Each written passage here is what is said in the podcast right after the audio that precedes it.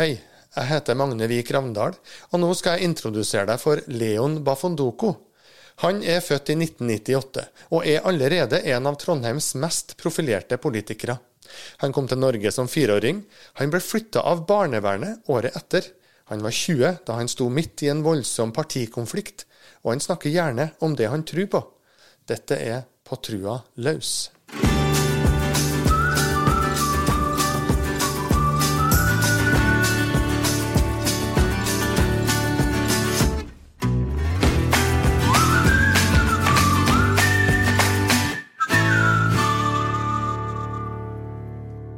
God dag, Leon Bafondoko.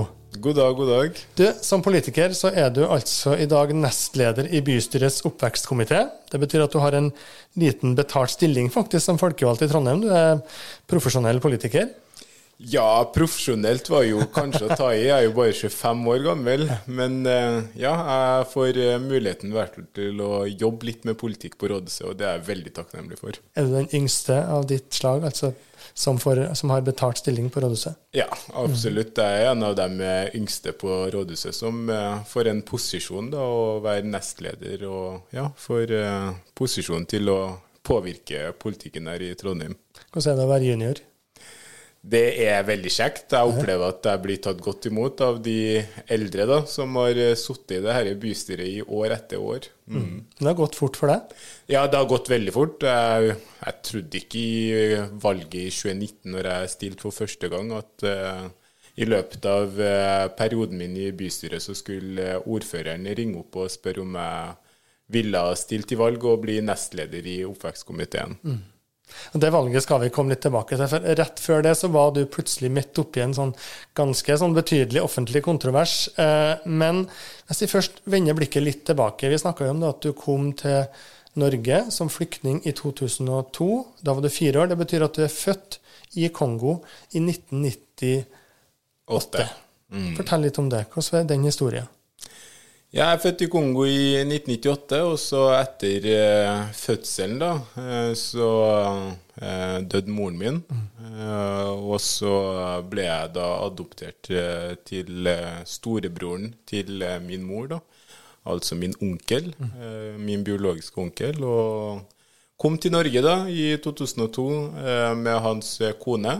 Uh, og vi kom da som flyktninger til Norge, da. Mm. Har du tenkt noe på hvordan din historie hadde blitt hvis du hadde blitt værende der i Kongo?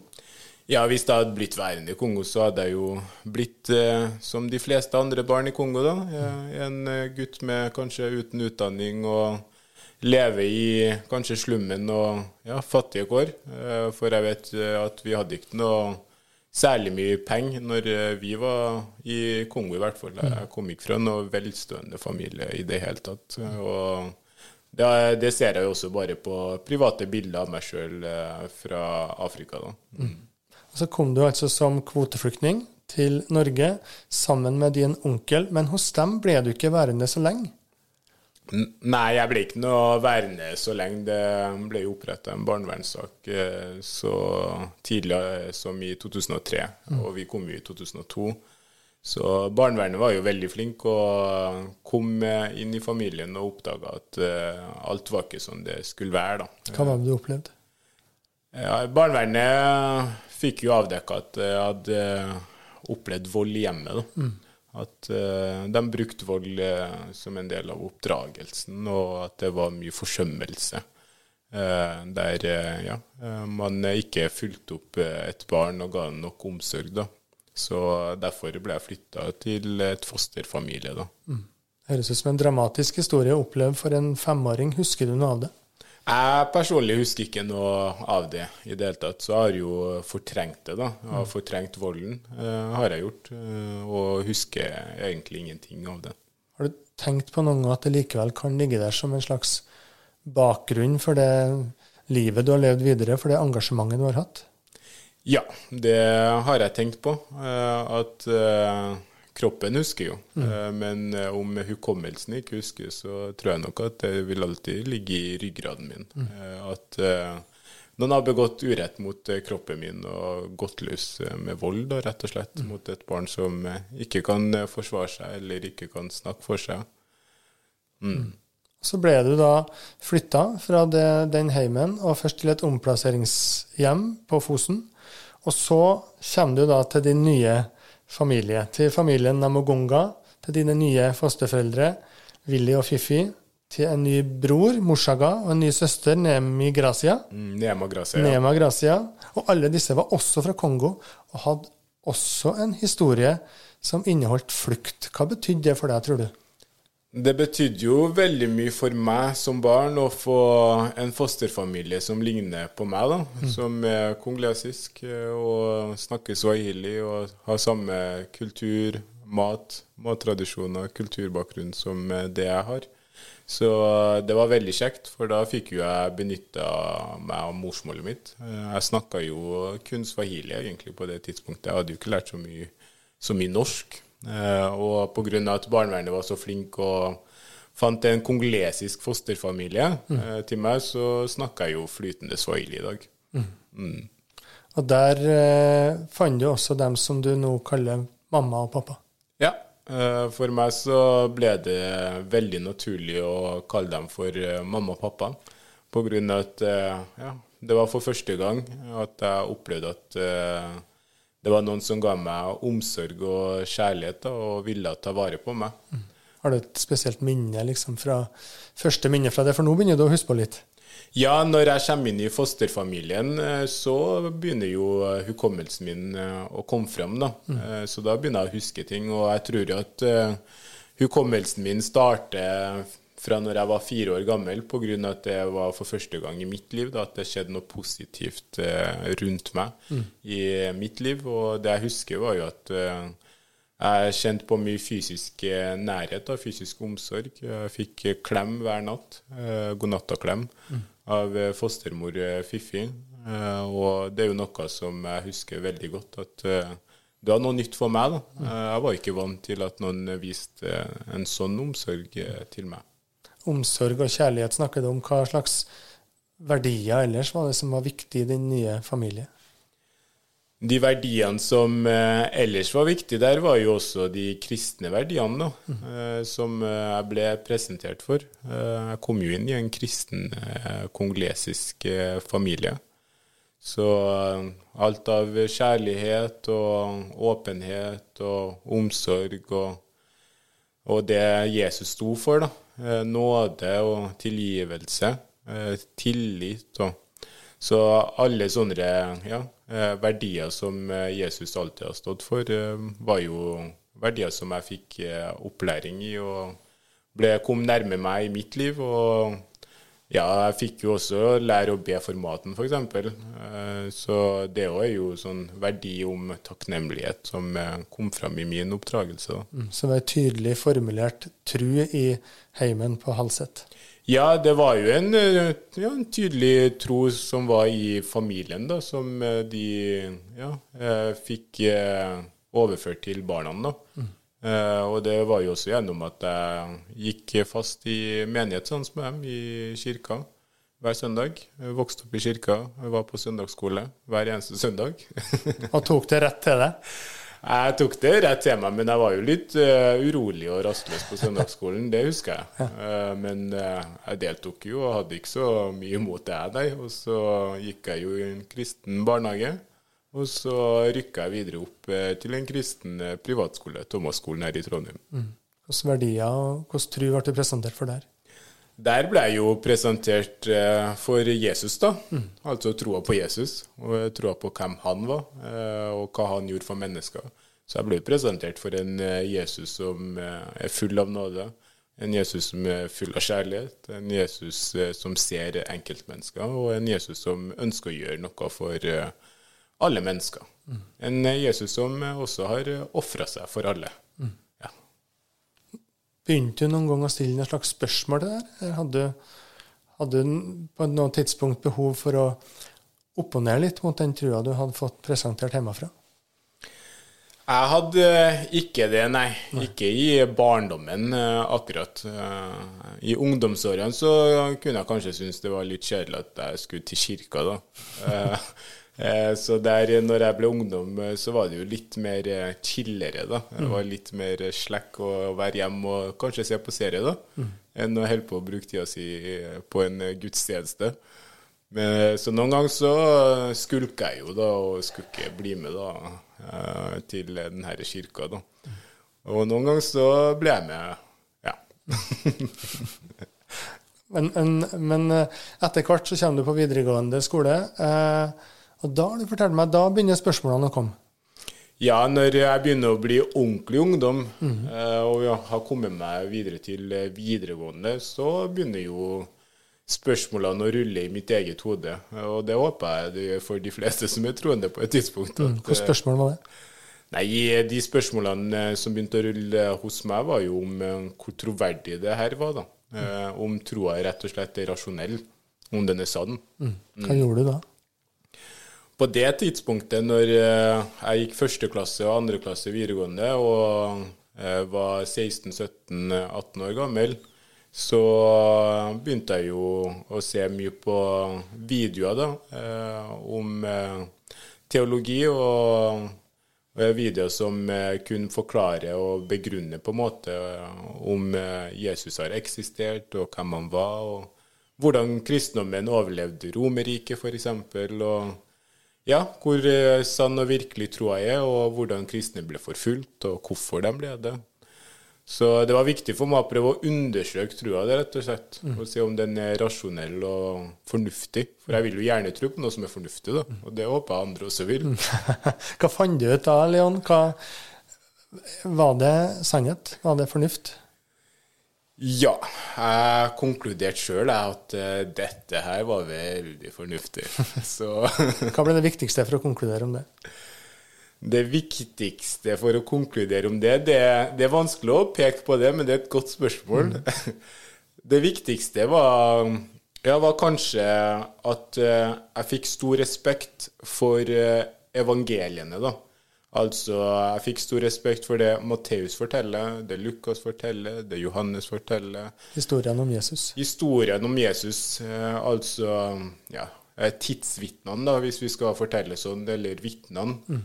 Eh, de som faktisk har vært til stede med Jesus og levd med han, og prøvd å formulere det da, i noe skriftlig materie. Eh, det, det var kanskje det som overbeviste meg, da at det var ekte mennesker som har levd levde liv, eh, ekte liv, og har vært til stede. Og har eh, faktisk møtt et menneske som de beskriver at han er eh, ekstraordinær.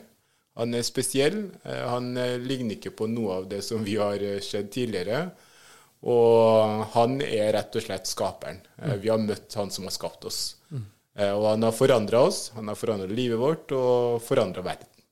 Mm. Så vitnesbyrdene, rett og slett fra de som levde med Jesus, var det som, eh, som eh, overbeviste meg om at eh, jeg må nesten tro på det de her har sagt og opplevd. At det er sant og virksomt. da. Mm. Mm. Betyr det at du er overbevist om at trua er sannhet? Jeg er overbevist om at troa på Jesus mm. er sannhet. Mm. Eh, på troa på det han gjorde, eh, verdiene hans, det han sto opp for, eh, og at grunnen til at han ble dømt på korset av Pontus Pilatus, at han påsto at han var skaperen, altså Gud sjøl, det tror jeg er sant. Mm. mm. Så jeg tror på at det han Jesus påsto at han var, og det han sto for, det er sant, og jeg følger med han i tankegangen om at han eh, var Gud sjøl som ble til menneske. Men Betyr det at de da som tror på noe annet, eh, tror på en usannhet? Det vil jeg si, ja. Mm. Jeg vil mene det. At eh, de som eh, tror på noe annet enn det jeg tror på, mm. tror på noe som ikke er sant. Uh, og så håper jeg for all del at de, de, andre som tror ulikt enn meg også, kan kanskje konkludere på at jeg òg tror på noe som ikke er sant. Mm. Uh, og det er rett og slett fordi at jeg unner jo at folk uh, tror på noe som de mener og har tenkt seg fram til en objektiv sannhet. Mm. Ja, Det unner jeg jo folk. Det unner jeg meg sjøl og min neste. Så er det litt forskjellig da, hvordan folk nærmer seg. Tror noen vil jo si at dette må jeg kjenne på for at det er sant. Noen vil si at dette har jeg vokst opp i, derfor er det sant. Uh, mange vil jo si at det er fordi at vi har vokst opp i Norge, eller Kongo for den del, uh, gjør at vi er kristne, Uh, mens andre vil si at som du sier, at jeg er nødt til å på en måte finne de logiske resonnementet her for at det faktisk er sant. Hvorfor har det siste vært så viktig for deg, tror du? Ja, for meg ble det jo Det kalles så fint eh, apologitikk, da, altså trosforsvar. Mm. Eh, og eh, for min del så var det kanskje viktig med apologitikk og prøve å finne rasjonelle, logiske holdepunkter for eh, troa. Jeg tror det var viktig pga. at uh, jeg er kanskje et menneske som trenger litt mer logiske og rasjonelle svar på livets store spørsmål. Da. Ja, er det litt politikeren Leon som møter på en måte tru? Jeg tror at det er kanskje ja, både politiker Leon og Leon Leon utenfor politikken også. Ja, ja. Jeg var jo ikke noe stor politiker når jeg begynte å skulle prøve å finne de logiske holdepunktene i, i troa. Da. Mm.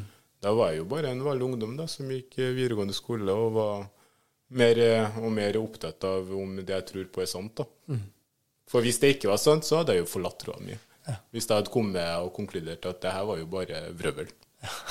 I hvor stor grad har erfaring vært en del av eh, grunnlaget for troa di?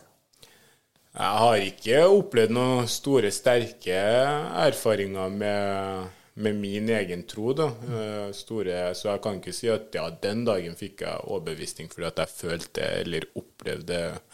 Så jeg har levd helt vanlig, normalt liv som de fleste andre her i Trondheim. Mm.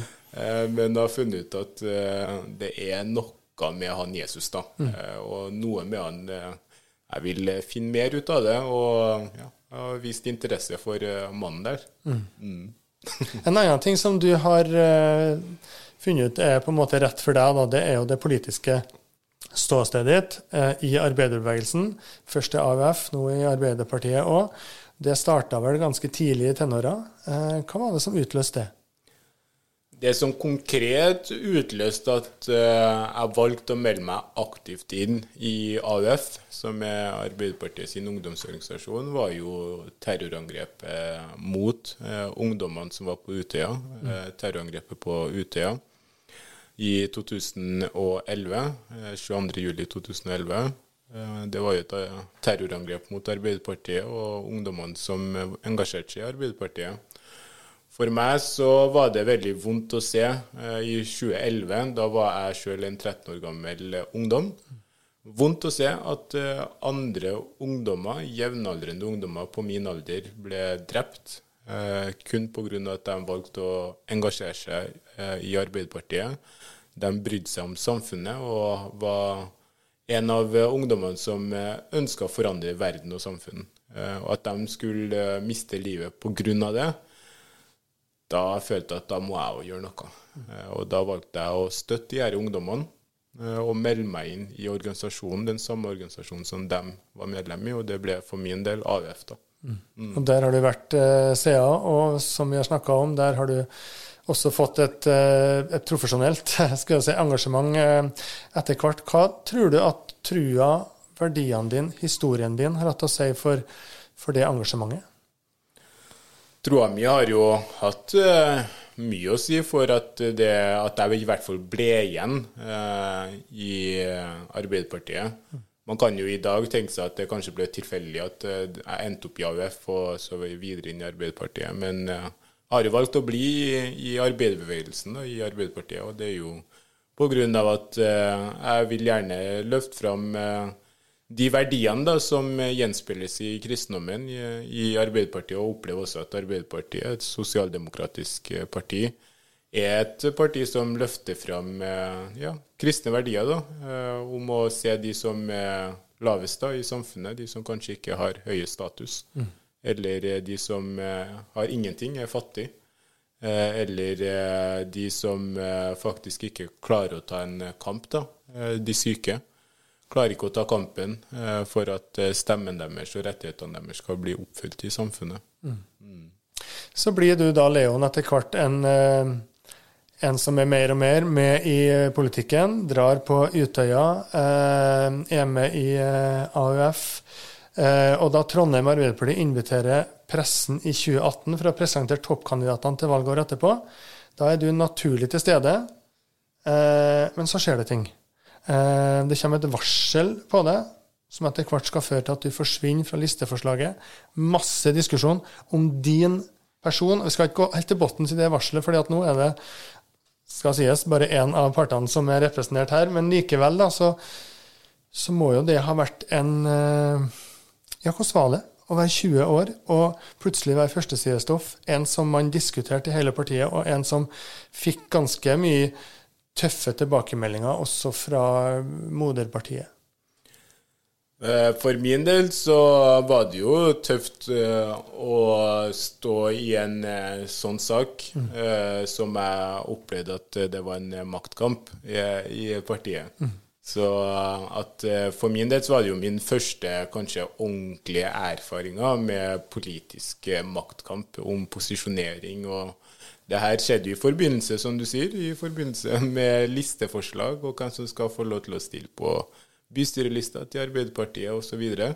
så det var jo en eh, maktkamp eh, der man eh, ja, brukte varslingsinstituttet da, til å prøve å presse meg ut av politikken og ut av lista. Da, og det, det var jo på vei til å skje, men så fikk jeg jo en ordentlig oppreisning der partiet tok grep og ba meg om unnskyldning. og og jeg fikk skriftlig unnskyldning både fra Trondheim Arbeiderparti og partiet sentralt. og Det ble rydda opp, og jeg fikk stilt til valg, og velgerne valgte meg inn. og så det gikk jo fint. Mm. Ja da, politikeren overlevde. Men hva gjorde det med deg som Leon? Med meg personlig så var det jo krevende å, å skal se at uh, jeg blir diskutert på bakgrunn av noe som jeg mener var Jeg ble uh, urettmessig uh, Urettmessig ja, urettmessig behandla, da. Mm. Uh, og så var det jo også veldig krevende å se hvordan jeg skulle håndtere det, men jeg fikk jo også mye støtte uh, fra Rita og stortingsrepresentanter og uh, fra mange andre i partiet, fra pensjonistene. òg. så det var jo, jeg opplevde også mye kjærlighet og omsorg fra folk i partiet på den tiden, og også mye støtte fra vanlige folk i Trondheim som sendte meg meldinger, SMS-er på Facebook og på e-post. Så det var veldig tøft, men samtidig var det også veldig mye kjærlighet å motta fra folk som brydde seg om det engasjementet jeg sto for, og tenkte at eh, engasjementet må videre. Så han må ikke gi seg. Mm. Når du ser Rita, så er det selvfølgelig ordføreren Rita Ottervik i Trondheim som en, en høytstående Arbeiderpartikandidat, selvfølgelig på fornavnet. Hva betydde trua di i en sånn periode? Uh, trua mi er jo med meg i alle livets perioder. Om det så er motgang eller oppgang i livet. Så for meg så var det jo naturlig å legge fram utfordringa her eh, fremfor Jesus mm. i bønn. Eh, så jeg ba veldig mye i perioden her. Ba om visdom, hvordan jeg skal håndtere det. Og, og det er jeg veldig takknemlig for. for Sett i ettertid så opplever jeg jo at jeg håndterte det veldig, veldig godt. Mm. Eh, gjorde jeg jo. Mm. Hva betyr det for deg å be til den Jesus du tror på? Det betyr jo at jeg kan eh, komme fram eh, i bønn, da. Eh, be for, eh, fremfor Jesus eh, med alt, da. Mm. alt som er både smått og stort i livet. Det som betyr noe, og det som kanskje ikke betyr noe. Ønsketenkninger, ønskedrømmer, og det som kanskje er virkelige drømmer. Så um, det, det, er det det betyr eh, å få lov til å be til eh, en skaper da, eh, som tar imot alt i bønn, og som også oppfordrer oss til å kontakte ham, da, mm. eller ja, be til ham. Så har han sagt at vi bør tilhøre fellesskap, da, kristne fellesskap, og der vi deler måltid, nattverd f.eks. Så jeg prøver jo å dra i menighet og tilhøre et sånt fellesskap, da, der jeg kan ta del i nattverd og og det kristne fellesskapet som er til stede i en menighet og kirke. Da. Opplever du at du får svar på bønn? Det er faktisk veldig vanskelig å si, mm. om jeg opplever at jeg får svar på bønn. Men eh, man eh, kan kanskje tenke seg Ja, i ettertid da, kan man jo kanskje tenke da om eh, man har fått bønnesvar. Kanskje ser man ikke bønnesvaret der og da. Eh, jeg så ikke i hvert fall eh, på bønnesvar eh, i mine utfordringer i forbindelse med at jeg skulle stille til valg i 2019. Men i ettertid så Nå har det jo gått flere år. I ettertid så ser jeg jo på at mine bønner blir hørt. da. Mm. Men du er sikker på at Gud hører din bønn? Jeg er sikker på at han hører min bønn, og jeg er sikker på at han hører alle folk mm. sine bønner. Så, så, det er jeg veldig, veldig sikker på. Så eh, kan man i ettertid kanskje ta seg en lite puste, pustepause og se om eh, det du ba om, da, om det har fått virkning og påvirka livet ditt i ettertid. Da. Det er ikke alltid enkelt å se om man har fått bønnesvar eh, der og da når man står, står i det. Mm. Mm. Du har også fortalt meg det at i den menigheten som du går til studentgudstjenester i, så, så er du med på det som heter forbønn. Altså at du eh, ber for eh, enkeltpersoner, helt konkret for det som de eh, ønsker å bli bedt for. Eh, hvordan opplever du det? Jeg opplever at det er veldig givende da, å være forbeder og få lov til å be for eh, andre unge mennesker. Eh, for det er jo en eh, studentgudstjeneste, så det er jo unge mennesker som ja, går på universitetet og høyskole. Og det er veldig godt at vi kan samles da og be for hverandre. Mm. At det er en åpenhet og en tillit der, der man kan komme frem til en som er forbeder og har oppgaven da, å be for andre mennesker. Man kan komme frem og si at det her er det som jeg sliter med, eh, det her er det som eh, jeg tenker på, det her er det som jeg bekymrer meg for. Og jeg vil gjerne at eh, du skal be for det, da, at vi legger det fram framfor Jesus. Hva tenker du skjer da? Det er tror og tenker skjer, er jo rett og slett at et menneske viser tillit eh, overfor deg som har eh, fått tillit, og mm. at man eh, åpner seg for et annet menneske og deler livets store bekymringer og tanker. Og at man tror på at det fins en overordna skaper, da, noen mm. som er større enn begge oss to, da, som skal be. da. Og at vi kan legge det fram foran en skaper. da. Mm. For vi tror jo på at eh, skaperen eh, har eh, såpass innflytelse i verden at han kan gripe inn på, ja, på ulike måter mm. i, i, skapelsesverket da, som han har skapt. Det er jo egentlig det som er tanken med bønn, da, at man mm. tenker at det er noen som er større enn meg og deg, som kan gripe inn sjøl i det han sjøl har skapt. Har du noen gang hatt behov for den type forbønn sjøl? Ja, det har jeg hatt eh, opptil eh, flere ganger. Eh, så jeg gikk til forbund i 20, 2019, gjorde jeg jo. Da var jeg i Mener jeg var i Lillehammer, på en leir der borte, gjennom KRIK. Kristen idrettskontakt. Og det var en leir for unge voksne der òg, der jeg ba der jeg fikk lov til at eh, noen fikk eh, be for meg. Og så har jeg også vært på forbønn eh, tidligere i høst, i august. Da var det hovedpastoren i Salem, en menighet her i Trondheim, som fikk lov til å be for meg, med tanken på at jeg skulle inn i ny jobb da, som nestleder i oppvekstkomiteen. Mm. Så jeg benytter meg av forbønn, jeg også. Mm. Leon Bafondoko, takk for at du deler historien di. Eh, nå er du her, eh, 2023. Eh, du satser vel på eh, politisk karriere videre, har jeg skjønt? Jeg har i hvert fall sett navnet ditt på eh, lista til høstens eh, valg. Hvor vil du si at trua di står i dag? Trua mi i dag står veldig godt fast, mm -hmm. som et anker, da. Mm. Mm. Hva er tru for det? Tro for meg er rett og slett uh, en overbevisning da, uh, om uh, at det som Jesus har sagt, at det er det som stemmer. Da, at det er sant. Så for min del så handler det mer om at jeg har gjerne lyst til å tro på at det er sant at det finnes en skaper som har grepet inn i skaperverket og kommet som menneske lik oss og har dødd på korset for oss. for meg, da. For deg. For alle og at eh, jeg kan ta imot det, det offeret der, eh, for at eh, jeg skal få lov til å få evig liv. For vi tror jo på et liv etter døden. Mm. Det er det som er tro på meg, tro for meg, da. Så jeg vil gjerne tro på det. Jeg syns at det er noe veldig, veldig fint. Og håper gjerne at det stemmer, og tror på at det stemmer.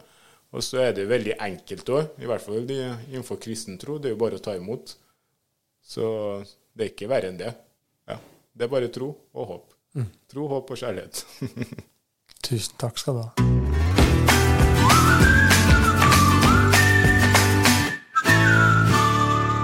På Trua laus er en podkast fra Nidaros bispedømme.